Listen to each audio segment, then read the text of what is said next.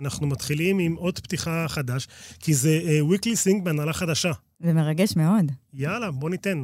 weekly sync. weekly sync. weekly sync. weekly sync. weekly sync. מה העניינים, תורצוק? עוד חדש, אנשים חדשים אומרים weekly סינקי. אבל הקונספט אה, נשאר כרגיל. אנחנו מתחילים בעשר דקות של בוטנים, ואחר כך אה, אנחנו הולכים לדבר עם שני האורחים המעולים שיושבים כאן לצידנו, בינתיים בשקט, אבל תכף, אתם יכולים לדבר אם יש לכם משהו נורא חשוב להגיד. אה, עומר בן יעקב, שהוא כתב הטק והסייבר של הארץ באנגלית, אתה תדבר איתנו על NSO ועל עוד כמה חברות מעניינות בשוק הסייבר ההתקפי.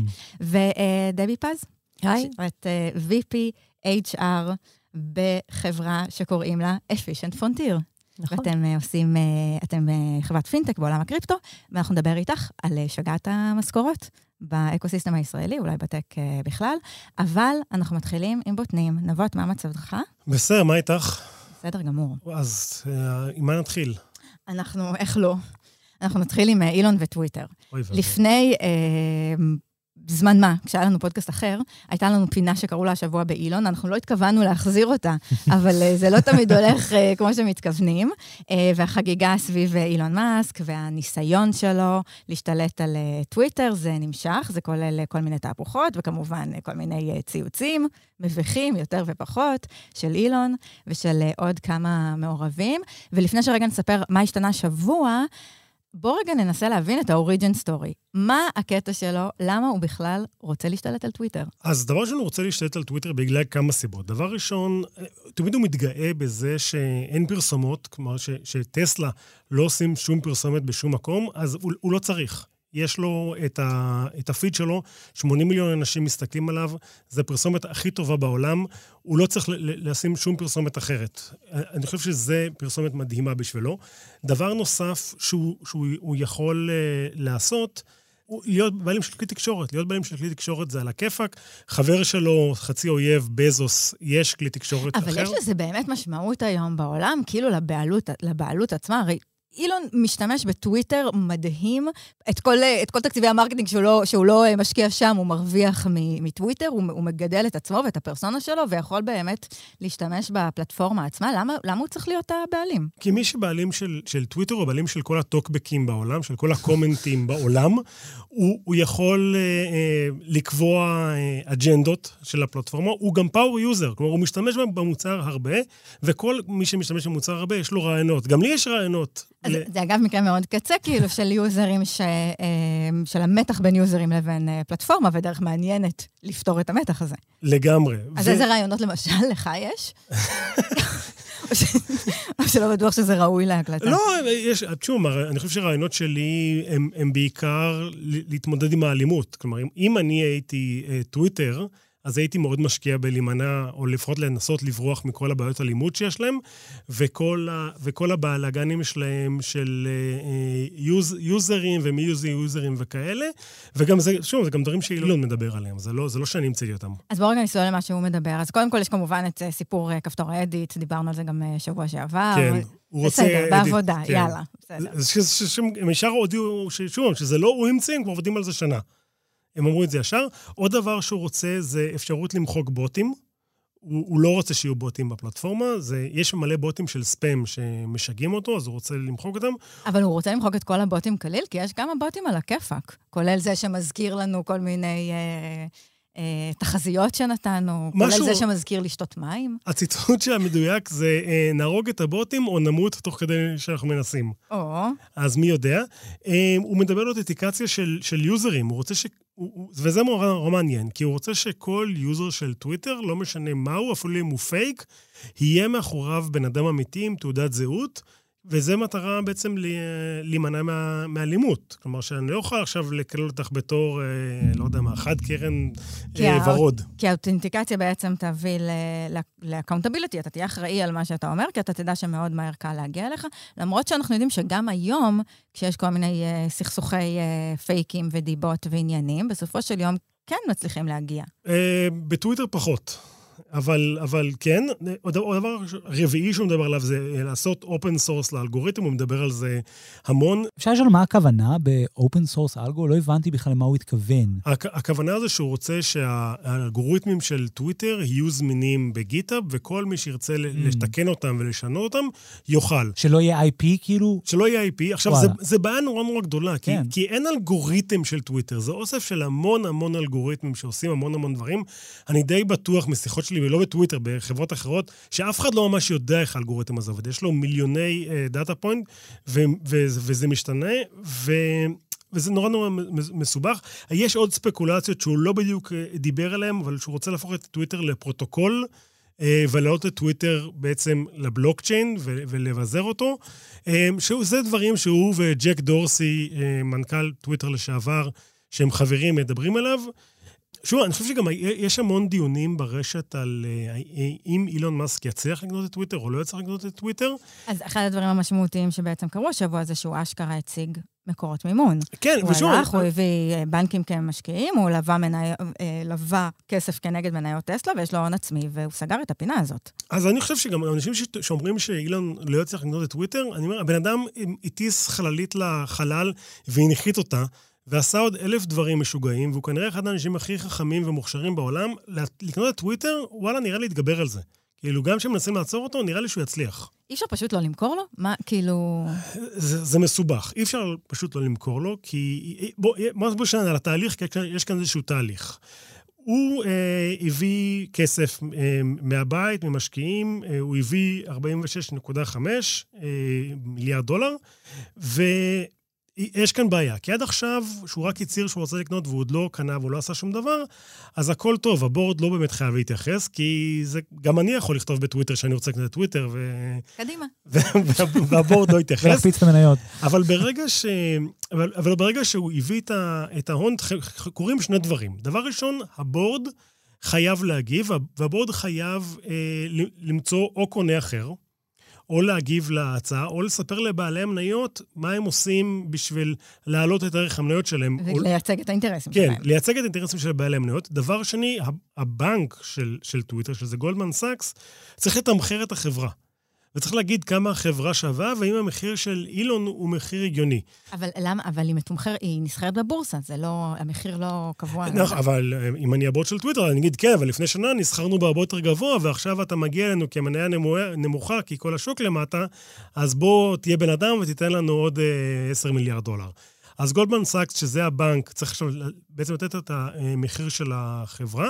ה board צריך להחליט מה הוא עושה, זו החלטה לא פשוטה, כי בכל מקרה, האופציה שלהם כרגע זה או למכור לאילון והוא יהפוך את החברה לפרטית והם יאבדו חלק גדול מהאנשים, או לא למכור לאילון, ואז המניה כנראה תקבל פגיעה של 20% לפחות, כי הוא מאיים לפחות שהוא ישקול את צעדיו, או למצוא קונה אחר, שזה גם כן אופציה על השולחן, למצוא קונה אחר. עכשיו, מה שעוד מעניין זה שאילון הביא לסיפור הזה בנקי השקעות.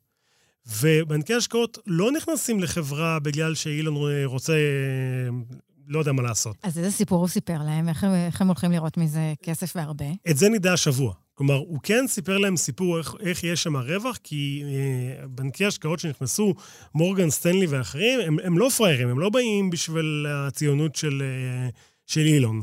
אז זה הסיפור שם, אני ממש מקווה שלא נדבר על זה גם שבוע הבא, אבל נראה לי שכן. תחושת בטן כזאת. וצריך להגיד אולי מילה על, על בעלי המניות של טסלה, שלא מאוד מבסוטים מהסיפור הזה, לא בהלוואה כנגד המניות, ולא באופן כללי, שהבן אדם הזה, שהוא לא באופן כללי בפוקוס מאוד גדול, עכשיו עסוק בדברים אחרים. נכון, אבל שוב, יהיה נורא נורא מעניין, לא סתם זה כאילו נהיה הטלנובלה הכי חמה של הטק בשבועיים האחרונים. בוא נראה, כאילו, השבוע הבורד צריך להגיב משהו. לא נשארנו זמן לבוטן הנוסף. כן, רצינו לדבר על צוקרברג ו-AR, אבל כאלה הם החיים. כן, אין לא מה תמיד. לעשות. אבל ניתן עוד פתיחה ונתחיל להוציא מנות עיקריות. Weekly Sync. Weekly Sync. Weekly Sync.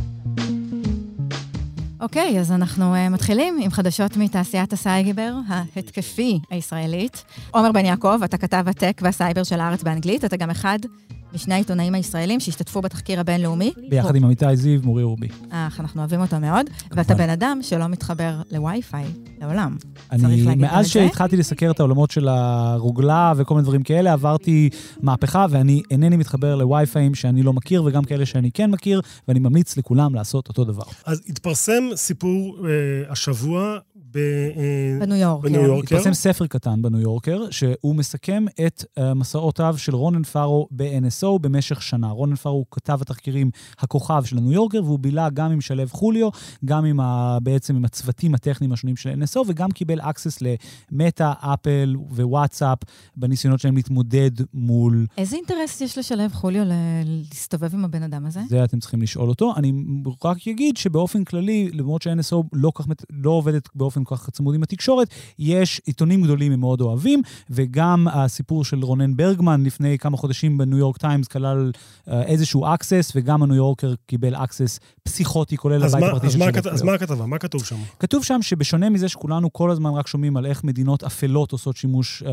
נוראי ב-NSO, בעצם אה, ב- בתוכנת רוגלה של NSO, פה אנחנו שומעים קצת מה שלטונות דמוקרטיים או מערביים עושים. בראש ובראשונה השלטון בספרד, ככל הנראה, שריגל אחרי בגדול כל התנועה הקטלונית, אה, תנועה ש, שדורשת לעצמה עצמאות, תנועה שבשנים האחרונות, או בהמון שנים כבר, היא תנועה של שלום, שנבחרת באופן דמוקרטי ונלחמת למען זכותה, וכל שלושת המנהיגים שלה וכל שדרת הפיקוד שלה, כולם היו תחת אה, אה, בעצם אה, ריגול של ככל הנראה המודיעין הספרדי. אז וזו- שהמודיעין הספרדי קנ- קנה את התוכנה כן, הזאת, כן, הכל כדין, כאילו כדי בטח. להיל- כ- להילחם מלחמה מד- אה, לגיטימית של מדינה היא דמוקרטית. כן, בדיוק. פגסוס היא תוכנה ש, שנמכרת רק למדינות או לגופי מודיעין של מדינות באישור ייצוא של מדינת ישראל. בדרך כלל הדילמות מתעוררות שבא מישהו כמו איחוד האמירויות, שבא מישהו כמו, נגיד, לא יודע, ערב הסעודית. כשבאה מדינות ממשלת לא ספרד... דמוקרטיות? בדיוק, זה בדיוק. כשבאה ממשלה כמו ספרד, או באה מ- מדינה אירופאית, אין לך שום סיבה לחשוד, זו מדינת חוק, אף אחד לא יעשה לזה שום ניצול לרעה. ומה שרונן פרו בצורה, אני כן- כן חושב שהיא מעניינת, חושף, זה איך כלים כאלה, כשהם מגיעים לידי שלטונות, גם השלטון הכי דמוקרטי, שככל הנראה פעל לפי חוק, עדיין עושים בהם שימוש שהוא לא להילחם בטרור, בהקשר הזה רדיפה של אנשים פוליטיים. אבל הוא כן, הוא, הוא דיבר על NSO, אבל יש שם יותר מ-NSO, יש שם יותר מחברה אחת, יותר נכון. מ-NSO. NSO הוא דיבר בתור כאילו גוף, כן, כאילו כן. איזשהו כן, כן. משפחה, משפחה של חברות. יש שם בכלל, יש שם, א' כל מוזכר שם בכתבה גם את קנדירו, שהיא בעצם חברה שמציעה שירותים דומים, אבל גם למחשבים. בעצם, יש... יש ישראלים. איך ישראלים, כמובן, כן. בכלל הייתי רוצה להגיד אתה שבישראל... אומר כמובן כי ישראל שולטת באופן מובהק לא, בשוק היא, הזה? היא, היא מאוד דומיננטית בשוק הזה. יש, נקרא לזה, בג- בגלל 8200, בגלל גם השוק הסייבר ההגנתי פה, יש פה, אה, נקרא לזה, תחום די מפותח של hackers for hire, כן? עכשיו, לפעמים ה-hackers for hire האלה הם אנשים טובים שעושים כאילו red team, כן? שבאים לבדוק exploits ולתקן. אבל הרבה פעמים זה גם לא, ויש כמה וכמה חברות. במובן הזה אני כן רוצה אולי לנצל את ההזדמנות אה, בהקשר של הכתבה הזאת על NSO, להציע מסגרת הרבה יותר רחבה, כן? זאת אומרת, יש ecosystem שלם שמציע את הדבר הזה, גם כטכנולוגיה וגם כשירותים. יפה, אז בואו נדבר שנייה על החברות שנותנות שירותים כן. של סייבר התקפי, כי, כי NSO, NSO יכולים לטעון, אני מוכר נשק. אם אתה לוקח את הקלצ'ניקוב הזה שמכרתי, ויורה ב... לא יודע במי, זה עצוב, זה מצער. כן, אבל אנחנו מוכרים נשק, אבל יש גם חברות אחרות שמוכרות את הסרוויס של בדיוק, הפריצה. בדיוק. חלק ממה שאני רוצה לקחת את כולם אחורה לסדרת הסמויה, כן? כולנו זוכרים את הסדרה הסמויה, וכולנו בעצם יודעים שלממשלות בהמון שנים יש את היכולת לרגל אחרינו. מה קרה? פוסט אדוארד סנודן, בעצם כל התקשורת עברה לטלפונים והם התחילו להיות מוצפנים. עכשיו, ברגע שזה התחיל להיות מוצפן, אתה צריך לייצר דרכים ל- לעקוף את הפריצה הזאת. מה ש-NSO ודומיהם מאפשרות, זה שלמדינות שלא יודעות לעשות את זה לבד, עכשיו יכולות להשתמש בזה. יכולות לעשות את זה גם, כן? עכשיו, איפה זה, איך זה מתחבר לשאלה שלך? איפה זה נהיה בעיה? שמדינה שיש לה היסטוריה ומסגרת רגולטורית מפותחת של מה עושים עם האזנות סתר ו wiretaps, כשהיא מקבלת את הטכנולוגיה הזאת, אז סביר להניח שהיא משתמשת בה באופן יותר מפוקח ורגוע. כשזה מגיע למדינה שאין לה שום רקע בזה ואין לה שום תרבות איסוף מודיעין, אז, אז, אז זה פתאום נהיה גם הרבה יותר חשוף וגם בעיה, כן? לשם הדיון מדינה כמו ג'יבוטי, כן? אנחנו יודעים, רונן ברגמן... ג'יבוטי. ג'יבוטי. רונן ברגמן חשף שה-CIA רצו לקנות כמתנה לג'יבוטי באפריקה את פגסוס מתנה. עכשיו, מדינה כזאת, אם אין לה מסורת מסודרת ותרבות ארגונית מסודרת של גוף מודיעין, אין להם מה לעשות עם, עם, עם, עם המידע הזה, כן? נגיד אם מצליחים לרוקן את הטלפון שלי, כן? אני, אני אויב של ג'יבוטי, מרוקנים את הטלפון. אין להם מה לעשות עם 250 ג'יגה עליי, בלי איזה בחור או בחורה שיצאו ב-8200 ויודע לעשות בזה סדר, כן? וזה האנשים הבאמת רעים, כי NSO במובן במובן מסוים צודקים. הם באמת מייצרים רק נשק. הם רק מייצרים כלי, כן? כלי טכנולוגי. אז כל הטענות של NSO במשך כל השנים, שאומרים, חבר'ה, אנחנו לא הרעים. אנחנו אה, מוכרים אה, כלי למדינות דמוקרטיות. מי ש... אם אני מוכר אבל נשק לפוטין, אני לא בן אדם די רע? לא שזה בערך מה שהם עשו, אני אומר, רק- אני אומר, גם על מוכרי נשק יש לנו ציפיות. כן, לא לא, משנה. אבל סליחה, הם מכרו גם לספרד, מדינה דמוקרטית, נכון. שעשתה בזה שימוש. נכון. השימוש, אגב, היה שימוש לא חוקי, זאת אומרת, אנחנו בלי בתי... לא יודעים, זה בדיוק העניין. שבגלל שה... זה, זה בדיוק, אני חושב, מה שכל כך מעניין בניו יורקר, שבגדול אנחנו, אנחנו עוד לא יודעים, כי, כי יש עדיין פער בין החוקים והמצב החוקי שמתייחס להאזנות סתר, נגיד בספרד, לבין השימוש בפגסוס. אותו דבר בישראל, כמו שהיה בזמנו עם כלכליסט, בלי קשר כרגע אם הרשימה הייתה מדויקת או לא. זאת אומרת, בעצם אנחנו מבינים שיש איזשהו פער בין המסגרת המבנית, החברתית, החוקית, לבין מה שבפועל עושים, ובסוף זה יוצא שאביחי מנדלבליט אישית צריך להחליט אם זה בסדר או לא בסדר, כן? בספרד אני מניח, וזה, לשם דברים נראים כרגע, שהשימוש היה חוקי. אני פשוט חושב שברמה נורמטיבית הוא היה לא לגיטימי, וזה הדיון שעכשיו הולך לצאת מזה, כי זה כלי שנועד להילחם בטרור, הוא לא נועד בשביל לרגל אחרי הוועידה המרכזית של התנועה הקטלונית, שעכשיו מחליטה מתי יעשו משאל עם. אז אם דיברנו על... גם בחברות השירותים הישראלים אה, מככבים, אז או זה- שפה אנחנו כבר אה, אני- חולקים את הבמה? אז זה באמת כבר שאלה טובה. אז יש הרבה, במובן הזה NSO, יש במובן, ואני באמת, יהרגו אותי על זה שאני אומר את זה, יש מובן שהם באמת קצת מסכנים. כי מה שהם עושים, הטכנולוגיה שלהם, משאירה סממנים יש פורנזיים. לך לא, רגע לא, של הכל כינור? בסדר, אני, אני going all in פה, אני, אס- אני אסביר את העמדה. יקיר החברה. ממש, ממש, תשאל אותם, כמו שאומרים, ממש לא. אבל אני חושב שבמובן מסוים יש uh, משהו טרגי בסיפור, כי אנחנו יודעים עליהם רק עם מה שהם מציעים, רק הש... כי הטכנולוגיה. שהם מציעים משאירה פורנזיקה. חברות אחרות, כן, חברות שבעבר דווח עליהן, כן, חברות בזמנו כמו ורינט, שעכשיו יש לה שם אחר. ח... אני גם לא רוצה עוד חברות שגם לא, עוד, עוד לא עד הסוף התפרסם עליהן, אז אני לא רוצה סתם להגיד את שמם, כן? אבל יש חברות שהן, בוא נגיד, לא מציעות רק טכנולוגיה, אלא גם מציעות מארז של services. לדוגמה, הם עוזרים לך לעשות קמפיין דיסאינפורמציה, על בסיס המידע שאתה מוצא בטלפון של עומר, לדוגמה. אתם אומרים לך, כי, כי בסופו של דבר מידע הוא נשק, רק אם אתה מבין את הקונטקסט שלו. אם אתה רוצה לחסן, נגיד, תחקיר עיתונאי, אתה צריך לדעת מה לעשות עם המידע בטלפון שלי, כן? לא מספיק סתם שיהיה לך את המידע. אבל, אבל רגע, בוא, בוא שניה נעשה סדר. כי, כי, כי אם החבר'ה האלה, אה, הם נותנים שירותים, ומישהו אה, גם צורך את השירותים האלה, אבל, אבל החברה, חלק מהחברות האלה בכלל בקפריסין, לא? מה, מה הקשר? בדיוק. אז יש דברים שיש עליהם פיקוח של מדינת ישראל, ויש דברים שאין עליהם פיקוח. ולפעמים מה שקורה זה שנגיד חברה כמו NSO, ודווקא אני, אני, אני, מה שאני יודע, NSO לא עושה דברים כאלה, אבל חברה מתחרה של NSO יושבת ואומרת, תראו, אנחנו יכולים למכור לך כלי שירוקן את הטלפון של האויב שלך. ואז הלקוח אומר, ומה אני עושה עם המידע הזה? הוא אומר, תראה, לנו אסור, אבל במקרה, במקרה לבן דוד שלי, יש חברה בקפריסין שעושה את זה, ובמקרה בן דוד שלי עכשיו מחכה פה מחוץ לדלת, אתה רוצה שאני אפגיש לך אותו? ואז בן דוד שלו נכנס לחדר ומסביר לך. אז במובן הזה יש הרבה ישראלים, או נקרא לזה Israeli affiliated, כן, ברחבי, בעיקר באפריקה ובלטין אמריקה, בדרום אמריקה, שהם מין אנשי אמצע האלה. עכשיו, מה. שאני דיווחתי השבוע, זה שהתגלה מקרה ראשון של אירופאי שהודבק בחברה, בתוכנה אחרת, שנקראת פרדטור, אה, שמייצרת אותה חברה בשם סייטרוקס. סייטרוקס היא חברה, אני מגדיר אותה כחברה ישראלית, אבל היא לא באמת חברה ישראלית. יושבים בקפריסין? הם רשומים בקפריסין ובמקדוניה ובאתונה, והם לא רשומים בשום מקום, ויש להם אתר ואין להם שאלה, אתר. שאלה אחרונה, כי אנחנו ממש חייבים כן. לסיים. הטכנולוגיה של פרדטור היא באותו רמה של NSO, zero click, לא, שולחים... פרדטור לא zero click. במובן מסוים, אני רוצה להגיד שתי דברים. אחד, פגסוס נחשבת תוכנה לא כזו טובה, למ- למביני עניין אומרים שהיא לא וואלה. כזו טובה, אבל זה בגלל שהיא ממש over promises, היא מבטיחה המון. אז פגסוס, השוס שלה זה שהיא יודעת לעשות, האופן שהיא מדביקה הוא ייחודי, כן? zero, אז zero zero click. click ועוד כל מיני דברים קטנים. אבל כן. בעיקרון היא אותו דבר כמו כל שאר הרוגלות, וגם פרדטור יודע לעשות אותו דבר, פשוט צריך social engineering, צריך להדביק את הלינק, וכשהלקוח שלך הוא מדינה, זה לא כזה מסובך לייצר לינקים כאלה, כן? מדינת ישראל, אם היא רוצה להדביק אותי, יכולה לשלוח לי כל יום לינק מביטוח לאומי, נכון? כן. אז זה בדיוק, יש פה גם הלימה בין מי צריך zero click לבין מי, מי בעייתי. עומר, תודה. בכבוד, תזמינו שוב, כיף שאתם בארץ. ברוכים הבאים. תודה. אה, טוב, ואנחנו הולכים אה, לדבר עכשיו עם אה, דבי פז. את. אשת HR בכירה, אהלן. היום VP People ב-Efficient Frontier. ואנחנו הולכים לדבר איתך על השכר הממוצע בהייטק. הוא ממשיך לזנק.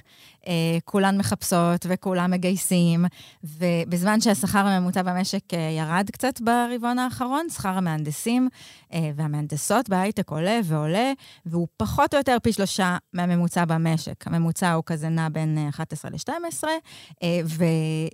ולפי הנתונים שבידיי, שכר המתכנתים, הממוצע קרוב ל-30. האומנם?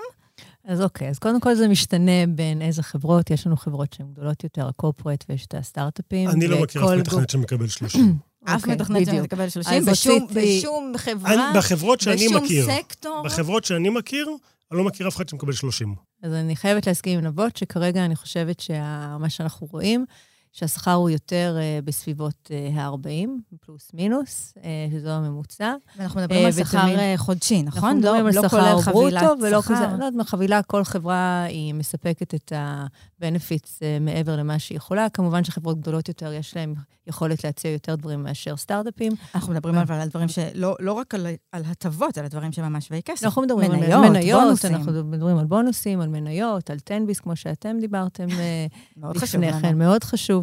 אה, והסטארט-אפים הם יותר כמובן בכיוון האופציות. אה, אבל תמיד גם צריך לזכור שלאנשים מאוד מוכשרים ושמחפשים, משלמים. וזה תמיד היה וזה תמיד גם יהיה. ואני גם מאמינה שיש הרבה מאוד אנשים מוכשרים בחוץ. אבל דבי, מדברים המון על זה שזה בעיה, בעיה במשק. כלומר, יש כאן אה, איזשהו סקטור שמקבל הרבה יותר כסף מסקטורים אחרים, וזה יוצר כאן פערים. את חושבת שיש כאן בעיה, או שזה המצב והתמודדו? אני אומרת כזה דבר, היה קורונה לפני שנתיים, זה שינה את סדרי העולם. אה, הרבה מדינות לקחו אה, חוב גדול, אה, שגרם להרבה, ועוד עם הריבית שהייתה אפסית, שגרם לאינפלציה מאוד מאוד גדולה בכל התחומים. אם אנחנו מסתכלים על הפן הטכנולוגי, זה היה בדיוק פעילות חיובית אחרת. אה, זה גרם לעבודה אה, מרחוק מהבית, זאת אומרת שזה היה remote work, מה הקשר? ושסדרי, כי בסופו של דבר זה מטיב לעובדים. וזה גרם אחרי זה לנו, ל, ל, לארגונים, להסתכל אחרת על העובדים שיש לנו, ואיך אנחנו, איך אנחנו נהיים אה, יותר אדפטציים, אנחנו צריכים להיות יותר גמישים בשביל המגמה הזאת ובשביל לשמר אותם. אז זה יותר גמישים ויותר אטרקטיביים. אנ- אנשים, יותר קשה להם לעבוד היום. אתה צריך להיות, אה, לשלם יותר. אז תגידי, את חושבת אבל, כלומר, יש טענה של עובדי ההייטק שהקריירה בהייטק היא יותר קצרה מבתחומים אחרים. כלומר, הקריירה היא 15 שנה, 20 שנה, אז אני צריך להרוויח יותר כסף, כי אחרי זה אני פשוט צריך לצאת לא, לפנסיה. אני לא מסכימה עם זה לא בכלל. מסכימה? לא, אני לא מסכימה עם זה. אני חושבת שיש אנשים שיכולים להשקיע בקריירה שלהם ולהתפתח באותו מקצוע ובאותו תפקיד לאורך זמן, ולשמור ולהיות רלוונטיים, וזה יכול להמשיך לבוא הרבה יותר שנים. ויש כאלה שהם יחליטו שהם יעברו בתוך, אה, בקריירה שלהם למקצועות שונים בתוך עולם ההייטק, וגם את זה הם יכולים לשמר לאורך זמן. בסופו תגידי, של דבר... מה השכר שאת מכירה של ממוצע של מתכנת? זה מה שאמרתי, בסביבות 40 פלוס. 40. 40 פלוס אפילו. מינוס. 40 מי- פלוס מינוס. מינוס. בין 40. 40 פלוס, 40 מינוס. בין 40. אל תתפוס אותי במילה, כי זה גם יכול אה, להיות גבוה יותר וזה גם יכול להיות נמוך יותר. זאת אומרת, כמו שתור אמרה. זה מאוד תלוי בשנות ניסיון, זה תלוי מאיפה אתה מגיע. מה, מה הטרנד שאת רואה? יש איזשהו סיכוי שהדבר הזה לא ימשיך אה, תשמעי, ויעלה? מבחינת הכלכלות יש תמיד כל הזמן גלים. יש גלים של, אה, יש ירידות ויש עליות, והיום אנחנו בעלייה. מתישהו יקרה מה זה שתהיה עלייה? ירידה, לא אנחנו נכון, דבי, בעלייה. ה- הכלכלה העולמית היא בהאטה. כלומר, יש האטה בכלכלה העולמית, כל המניות ירדו, הכל ירד חוץ משכר של מהנדסים. אז מתישהו, זה כנראה גם יגיע. אני לא יודעת מתי, אני לא רוצה שגם יחזיקו אותי, לא, דבי אמרה, אני לא יודעת מתי, אבל שוב, גם דיברו על זה לפני הקורונה שהייתה עצירה, ושהכול לא ייעצר, קרה. ועובדה... נכון, בדיוק. אז גם עכשיו יש איזושהי האטה מסוימת, אבל יכול להיות שזה ישתנה. אני צריכה לדבר עם כלכלנים לגבי את. חושבת לא שיש האטה? את רואה האטה? האטה במה? במשכורות. כלומר, המשכורות כבר לא. לא עולות? לא, אני כרגע, אני חושבת שאולי הן מתייצבות קצת, אבל שוב, יגיעו טאלנטים, יגיעו אנשים מוכשרים, עדיין החברות ישלמו uh, כסף. איפה אנחנו עומדים במחיר אה, מול חברות, מדינות אחרות, מול הודו, מול אה, אוקראינה? שוב, אם אנחנו, אתה תשווה אותנו לחברות פיתוח אחרות, למדינות אחרות כמו ארצות הברית או אירופה, זה בסופו של דבר אותו דבר מבחינת שכר. אם אתה משווה, אם אתה משווה מבחינת אה, להודו, נפאל, אוקראינה, מדינות אחרות, אז כמובן שהשכר הוא שונה. אז דבי, אם אבל אני, תמיד- אם אני חברת מייקרוסופט, בסדר? ו- ובן אדם עולה לי פה כמו שהוא עולה לי בארצות הברית. למה שאני אביא אותו מישראל? אני אקח אותו ב- אפילו בקולורדו. כי עדיין, מה לעשות, אנחנו עדיין נחשבים כעולם עם הרבה, עם אה, מדינה עם אה, טכנולוגיה מאוד מפותחת. יש לנו, עדיין אנחנו אה, משברים על היכולות שלנו ייחודיות, ומה שאנחנו מציעים לשוק. ואנחנו צריכים גם להמשיך לעשות את זה בשביל להישאר רלוונטיים. תמיד כן יהיו מדינות, אה, חברות שכן יפתחו במדינות אה, אחרות שהן יהיו זולות יותר, וזה בסדר. אבל זה לא זולות יותר. אם, אם אני... שוב, אבל יכול להיות שהמוטיבציה היא, היא לא מוטיבציה כלכלית. אתה מחפש לשבת פה בתוך, בתוך האיק, ה ecosystem, ליהנות ממה, ש, ממה שקורה פה בשוק הישראלי. בשביל ליצור, הנה, לך זאת יש. סטארט-אפ. בשביל ליצור סטארט-אפ ואת ה culture שאתה רוצה, אתה לא רק יכול לגייס אה, אה, בחו"ל. אתה צריך קודם כל, אתה צריך קודם כל כאן לבנות את המחוברות, את ה...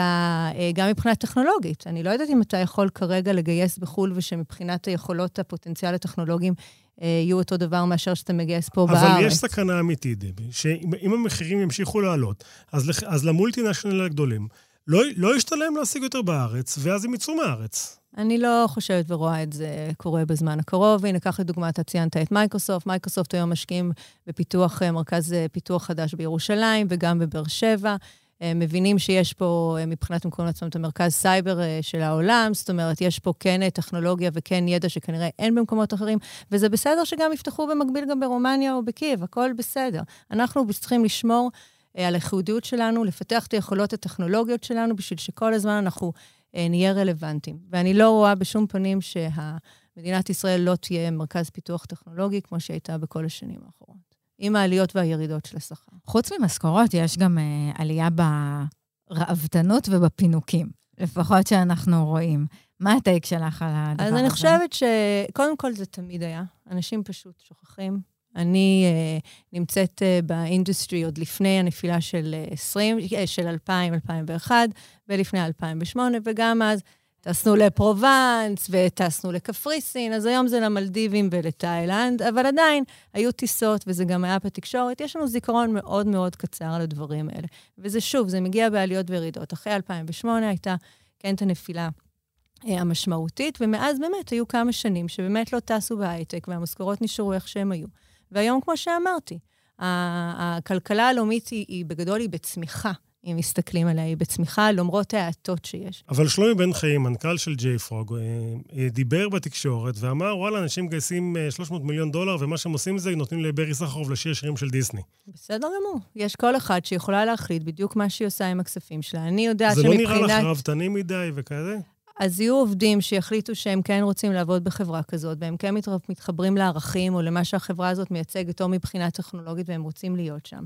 ויש עובדים שהם מחפשים דברים אחרים. אני יכולה להגיד... החוויה שלך זה משמעותי? את נתקלת לא. בעובדים שזה חשוב להם? לא, כרגע זה מה שרציתי להגיד, שאולי לפני כמה שנים, באמת כל ההייפ הזה שמסביב של ה-happy hours והטיסות לחו"ל והדברים האחרים, באמת היו יותר משמעותיים. אני חושבת שכן, יש איזשהו שובע מכל הדבר הזה, ובמיוחד עם הדור הצעיר שמחפש את דור ה-Z, זה הערכים. זה לא רק הערכים של מה שהחברה מדברת, אלא גם הערכים של מה שהחברה נותנת מבח... מבחוץ. גם ה impact שלי בתור עובד, מה יהיה ה impact שאני אגיע, איך אני יכולה להתפתח, וגם מה ה impact של החברה. זאת אומרת, יש פה דור, כן, יש לי שאלה, סתם בהקשר של המתח בין כסף וערכים, אני חושב שהתחום ש- שאני דיברתי עליו, של הסייבר התקפי, הוא תחום מהמם. שנורא מאופיין במתח הזה, לה- להגיד להגיד את זה באופן נכון. מסוים. זאת אומרת, האם את רואה בחודשים או השנה האחרונה נזילה של אנשים מה- מהתחום ההתקפי ל- ל- לתחומים יותר, נקרא לזה, פחות מסוכנים, או להפך, אנחנו- את שומעת על אנשים שעוזבים כי הם פח- כי הם לא רוצים את הקלון הזה? זאת אומרת, אני, לא, אני, לא, אני. לא יכולה לדבר uh, בשם של חברות אחרות שהן התקפיות, אוקיי, סבבה. ושאם יש להן קושי, לא, אבל את רואה אבל... טאלנט כזה נוזל החוצה, זה מה שאני שואל. אבל לא, ואני לא רואה יותר אוקיי. טאלנטים של זה, אפילו אפשר להגיד שמבחינת NSO, סתם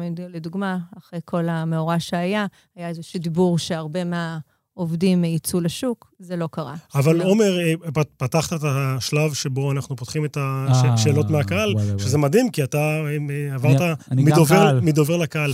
אז מי ש- מי שרוצה לדבר, אה, תבקשו, נעלה אתכם, לא אני, כי אני לא קורס. רק אני, רק אני שרדתי. את את ה- ו- אני- ו- ומערכת הארץ. ומערכת הארץ גם ש- יכולה. אה, שלטו אה, בתור, אה, בתור קורס שיכולים להעלות אנשים. בינתיים אני אספר לך, עד, ש, עד שמישהו יעלה לדבר, אני אשאל אותך אם את אה, הסתכלת על מה שקרה עם, אה, עם נטפליקס בשבוע האחרון. איך אפשר שלא? כן? הסתכלתי, לא היה מה לראות בנטפליקס, הלכתי לקרוא מה קרה עם המניה. אז הם אה, פרסמו את הדוחות שלהם, כן. המניה התרסקה, הם סיפרו שהם איבדו 200 אלף משתמשים בכל העולם. בסדר, פסח, כולם מחליפים סיסמאות. והם החליטו עכשיו להשקיע בתוכן ערכי יותר מאשר בכמותי. אה, באמת? כן, כן. הם אמרו כן, שהם כן. הולכים להשקיע יותר בתוכן של, שהוא יותר מעניין מאשר פשוט להפציץ בתוכן. אה, ו- רעיון לא רע. כן. והם, והם אמרו שהם הולכים להוס- להוסיף טיר של פרסומות. אני אגיד וואו. שהתחזית שלי לאירוע הזה, שזה יעזור להם בטווח רגע, הקצר. אני גם אשלם מנוי לנטפליקס וגם לא, אראה לא, פרסומות? את אה, תשלמי בטווח יותר זול, תשלמי 3 דולר אה, בחודש, ותראי גם פרסומות. לפי דעתי, בטווח הקצר זה יהיה להם אחלה, הם יביאו עוד מנויים. בטווח הארוך זה יפגע בהם, כי התוכן האיכותי יהיה במקומות אחרים מבחינת אה, אה, תפיסה. אצל אנשים, אה, אם יתפסו כאלה עם הפרסומות, אז התוכן יותר נחות. אני חושבת שהם כבר עכשיו נתפסים כ... כ... הם קצת- אה, איבדו את ה... הם בטח לא בבכורה.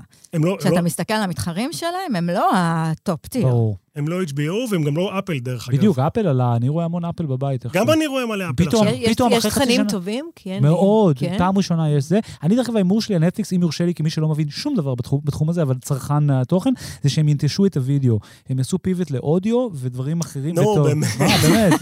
לא, ברצינות, מה? לא, אין שום סיכוי שזה יקרה. לא, ברצינות, אני חושב שהם יעשו מונטיזציה של תכנים אחרים, זה ההימור שלי. אה, הימור מעניין, אבל גם אוקיי. אולי תבנה... תעשי את הטוויטר בוט שיזכיר לנו בעוד שנה שאתה איתי. תאמר גם על חלליות. יש מישהו שרוצה לדבר, או- שאף אחד? רבותיי, היה פה space קשה, תעלו לתמוך בנו. אז אני חושב שהם, הם, בטווח הארוך זה, לא, זה לא הימור נכון.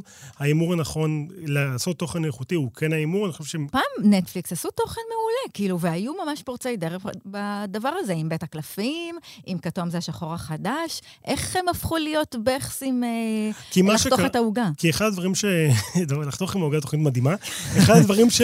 שקרו בנטפליקס זה שנטפליקס הפכו להיות חברה הרבה יותר בינלאומית. ושאת החברה הרבה יותר בינלאומית, הם הרבה יותר משטחים את התוכן כדי שיתאים לכמה שיותר קהלים. ולפי דעתי, חברה שמהמרת על השוק ההודי והשוק הפקיסטני, שזה אחלה שוק, וכמה מחבריי הטובים ביותר הם בהודו ופקיסטן, אבל זה לא הקהל שצורך תוכן פרימיום, וגם זה לא הקהל ש, ש, שמשלם פרימיום. אז אולי המספרים יחזרו לעלות, אבל שוב, כל חברה שרוכשת משתמשים, יודעת אה, מה זה קורטים של משתמשים, ויש אה, קורטים של משתמשים טובים וקורטים של משתמשים פחות טובים, ולפי דעתי נטפליקס כרגע עושה אופטימיזציה ל cohort של משתמשים פחות טובים. אז אני רוצה להגיד לך שאנחנו מנסים לתת לאשר לעלות ולדבר, הוא connecting כבר תקופה. אז מקווה שזה יצליח באיזשהו שלב. אבל תגיד, אבל, אז, אז בעצם הייתה פה, החל, הייתה פה החלטה מאוד ברורה להפסיק לעשות תוכן פרימיום ולרדת ל... ההחלטה ההחלטה הייתה יותר מסובכת. ההחלטה הייתה, בוא נעשה הרבה ונראה מה, מה נדבק, מה, מה אנשים רואים. זה עבד, זה עבד עם משחקי הדיונון. כל העולם ראה משחקי הדיונון, כל העולם ראה את Tiger King, כן. שזה לא סוגה עילית, בואי, כאילו, עם כל הכבוד לשתי התוכניות האלה. אני נהניתי, עשיתי פירסינג באוזן בעקבות אה, Tiger. לא רואים כי אני עם אוזניות, אני אראה לכם מיד. אמ, אז אחלה, וזה מקסים בעיניי, אבל זה לא הסוגה העילית שנותנים, שנותנים היום ב-HBO או, או, אצל, אה, או אצל אפל.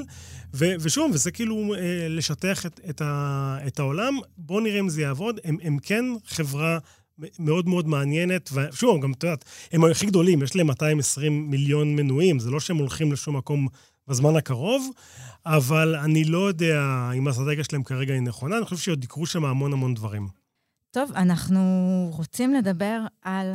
אה, מה הכל שאנחנו רוצים לסגור את הספייס? אם מישהו רוצה לדבר, אז שידבר, ואם לא, נלך הבית. לא, אשר התייאש מאיתנו, הפך להיות אה, ליסנר.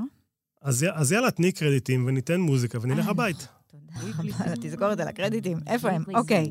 עומר בן יעקב אה, ודבי פז, תודה רבה ש... אה, תודה. רבה, ייי. כן, תודה רבה לנבות וולק. תודה רבה לתור צוק. את אה, עוד הפתיחה החדש שלנו עיצבה שני אבירם, ואת הפודקאסט שיעלה מחר יערוך דן ברומר. בהצלחה לך, זה לא הולך להיות אה, פשוט. עריכה והפקה, אסף פרידמן ואמיר אה, פקטור. תודה רבה, חברים.